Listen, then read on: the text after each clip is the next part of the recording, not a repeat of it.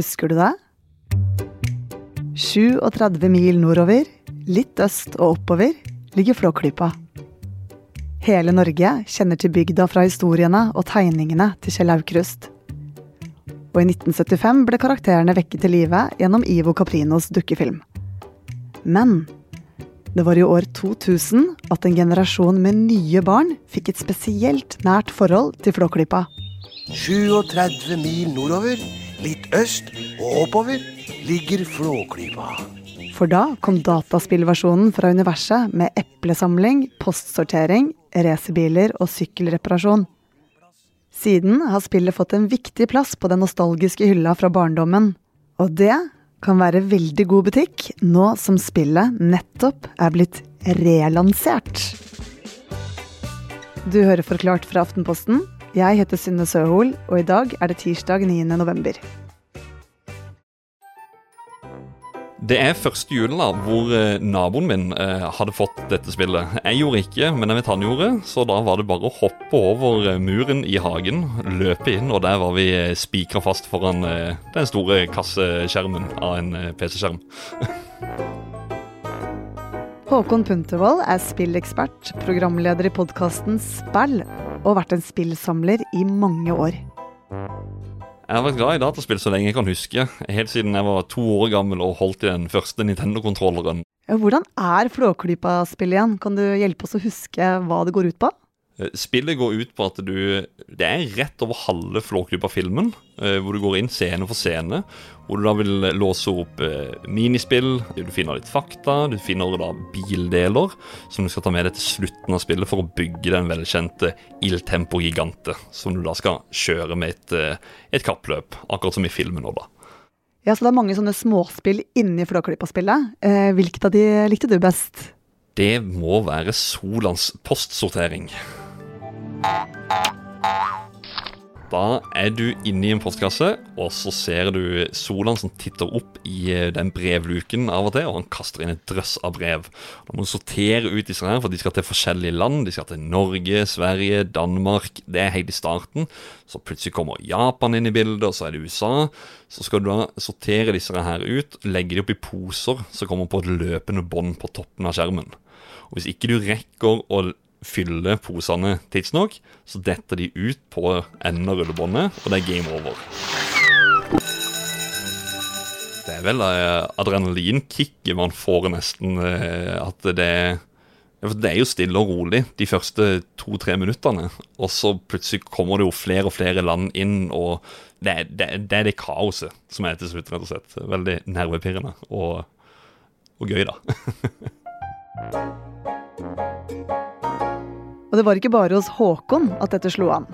Ifølge de som lagde spillet, var det over 380 000 som kjøpte det, og det ble bl.a. solgt på bensinstasjoner.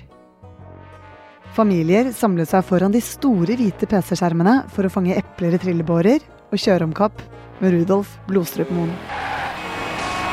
Det var alltid en høytid. Det var alltid sette seg ned og prøve sammen, snakke eh, og spekulere rundt det. Eh, se litt sånn Ja, teste spillene sammen, da, rett og slett. Si det som vi har i dag. Alle har jo det. Internett. Du har det på mobil, du har det på PC, alt sammen. Den tida der, det var ikke alle som hadde det. Så f.eks. å kjøpe spill, det var, da måtte du på, på spillbutikkene. Og det var, det var gjerne der den kulturen hørte til, inne i butikkene. Nå er det jo overalt på, på internett og ja, rett foran deg hele tida. Hvorfor tror du spillet slo an? Det er jo fordi at eh, det er Flåklypa. Det er, nok, det er nok det at du kunne være sammen med Solan og, og Ludvig og, og Reodor og de, og, og være i, i Flåklypa-universet, da. Og så har du spill sånn som sjakk og dam, sånn spill som du spilte gjerne med familien. Nå kunne du jo spille det eh, sammen med, eller mot Sheikh Ben Reddik, Fy Fasan og eh, Emanuel Desperado og ja, de andre folka da fra Flåklypa. Og det er kanskje ikke tilfeldig at spillet nå, 20 år senere, er relansert. For dataspill har tre triggere som vekker en viktig følelse.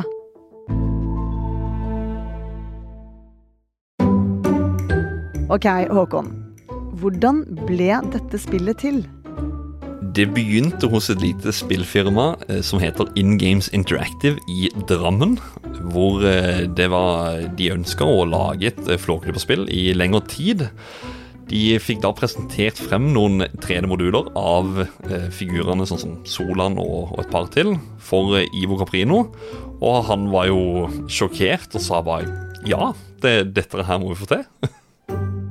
Men eh, forfatteren for Flåklypa, eh, Kjell Aukrust, han var jo ikke like positiv til dette her. Og sa at eh, nei, dette skal ikke bli et dataspill. Og hvorfor ville han ikke det, da? Svaret på dette det har han nok ikke. Men eh, jeg tror nok at han er fra en generasjon hvor dataspill var kanskje ikke like populært. Og en ser jo det med tida som går, at uh, spill blir mer og mer akseptert. Ja, og, hva skjedde etter at Aukrust sa nei? Hva slags forhold fikk han og Caprino? For I høsten 1998 da endte det med en hissig konflikt mellom Kjell og Ivo. Hvor da all kommunikasjon de hadde, den gikk via advokatene deres. Sprøtt å tenke på. For at Man skulle egentlig tro at disse to var bestevenner. Eh, det var jo Kjell han ønska jo ikke det at disse figurene hans skulle virre rundt på en eh, dataskjerm. Så eh, Ivo han respekterte dette her. Men så gikk det ikke mange månedene. Da var det i desember 1998 at det ble annonsert at Flåklypa Grand Prix skal nå bli et dataspill. Så heldigvis for spillselskapet så gikk det likevel. For Flåklypa-spillet har blitt omtalt som Norges største økonomiske spillsuksess. Og 21 år etter lansering, torsdag i forrige uke, kom altså en ny versjon. Først så var jeg litt sånn Ja, kult. Nå kommer Flåklypa på ny.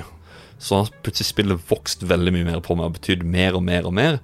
Jo nærmere vi kom til utgivelsesdato, så har han blitt veldig, veldig nervøs. For blir det bra, blir det dårlig? Det er litt sånn som når eh, folk som er glad i å lese bøker, hører om at nå kommer denne boka, favorittboka mi, kommer i en film. Eh, hvor bra er den, eller hvor dårlig er den? For det er jo veldig ofte folk sier boka er alltid bedre enn filmen. Så det, jeg fikk litt den følelsen, og, og var nervøs. Her oppe på Flåklypatoppen bor Reodor sammen med sine to gode venner. Hei! Optimisten. Ja, men hvordan var det, da? Jeg har ledd høyt, jeg har storkost meg, jeg har til og med felt gledestårer, for inni spillet så er det et puslespill som eh, jeg mener å huske at min farmor og farfar faktisk hadde i virkeligheten. Så med den musikken som går i bakgrunnen, jeg pusler dette her, så fikk jeg den der gode, varme følelsen i meg at det, eh, nå er det julaften, nå sitter jeg hjemme hos farmor og farfar. Så det var sånn herre Jeg vet ikke, en sterk ting som bare det bare kom ut masse nostalgi og glede. Altså en full pakke av Ja. Bare smil, latter, alt. og akkurat dette med nostalgi i spill er viktig her. Særlig for et spill som mange spilte da de var barn. For ifølge spillforsker ved Høgskolen i Innlandet, Håvard Vibeto, så er det særlig tre ting som skaper nostalgi. Det første er at vi tenker tilbake på f.eks. sosiale ting vi har gjort, som du har vært i bryllupet eller i dåp og sånne ting. Andre er også da at det er følelser, ikke sant. At du følte deg elska fordi kjæresten din gjorde noe fint for deg når du var 20 år og sånne ting som det. Eller så er det kobla til handlinger og ferdigheter, da. Sånn type at du scora målet i finalen på Norway Cup, ikke sant.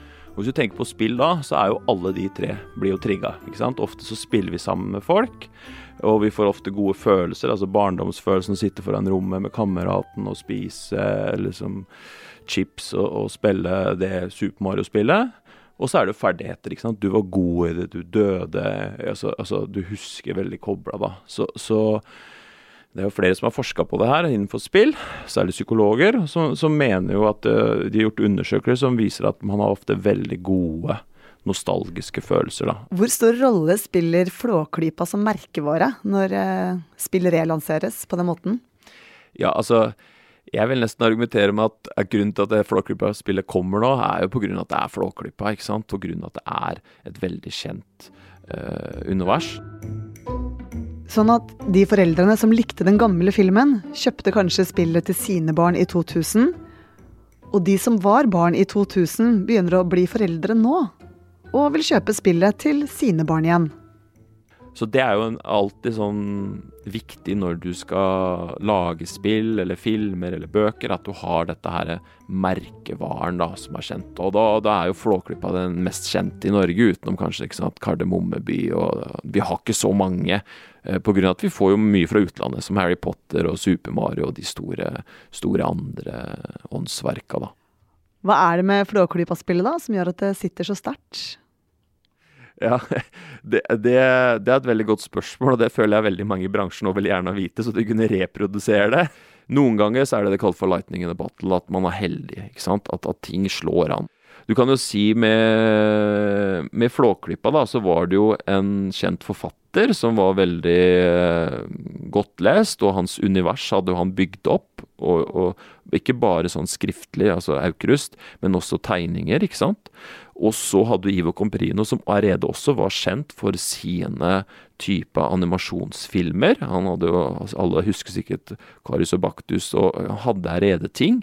Og så kombinerte man de. Så da, da fikk du egentlig en sånn sånn A-team, da, som kanskje var umulig å, å ikke få eh, til å bli en hit, da det var jo ganske stille ganske lenge etterpå Flåklypa, etter filmen. Og det er kanskje noe med at Norge ligger litt etter når du tenker på den kommersielle tankegangen, ikke sant.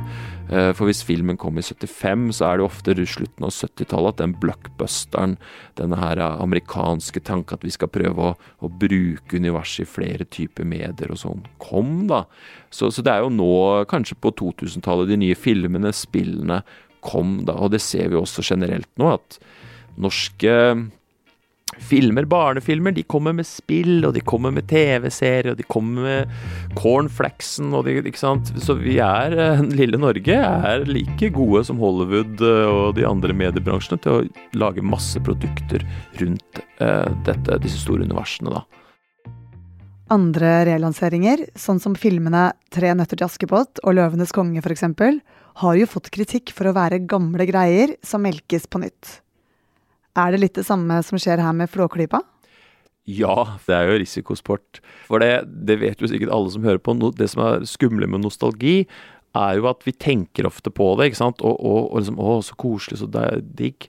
Men ofte hvis vi går tilbake til kanskje den filmen eller den boka eller spillet som vi har disse gode, varmende følelsene, så har vi utvikla oss, og verden har utvikla oss, og så er det sånn Ja, det der var ikke så kult, egentlig. og og den filmen Å, oh, Jesus Christ, det der kan du ikke si da. Ikke sant? Sånne ting som det. Og det samme gjelder jo også spill, for det er spilldesign, altså utvikling av spill, har jo, har jo også gått mye videre, ikke sant. Men så er det kanskje at det spillet kanskje ikke var så bra heller. Det er bare at du var tolv år og digga det, ikke sant. Og så er du plutselig 35 og har blitt mye mer voksen og bare ah, uff, det der var ikke noe gøy. Så føler du den følelsen at å, nå fikk jeg ødelagt noe av barndommen.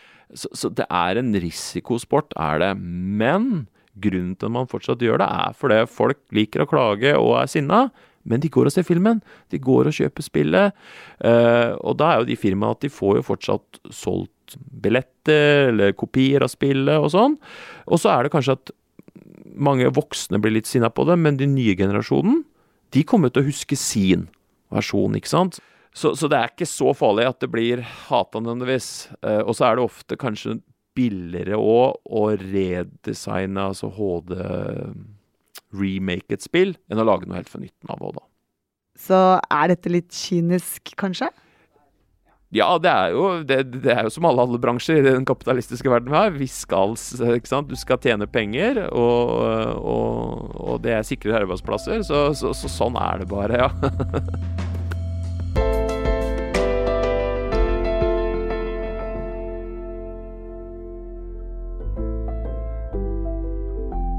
I dagens Forklart hadde vi med oss Håvard Vibeto og Håkon Puntervold.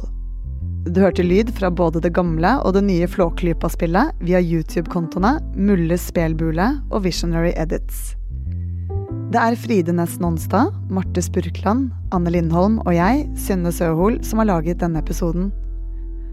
Resten av Forklart er David Vekone, Thea Wold Lyster og Guri Leiel Skedsmo.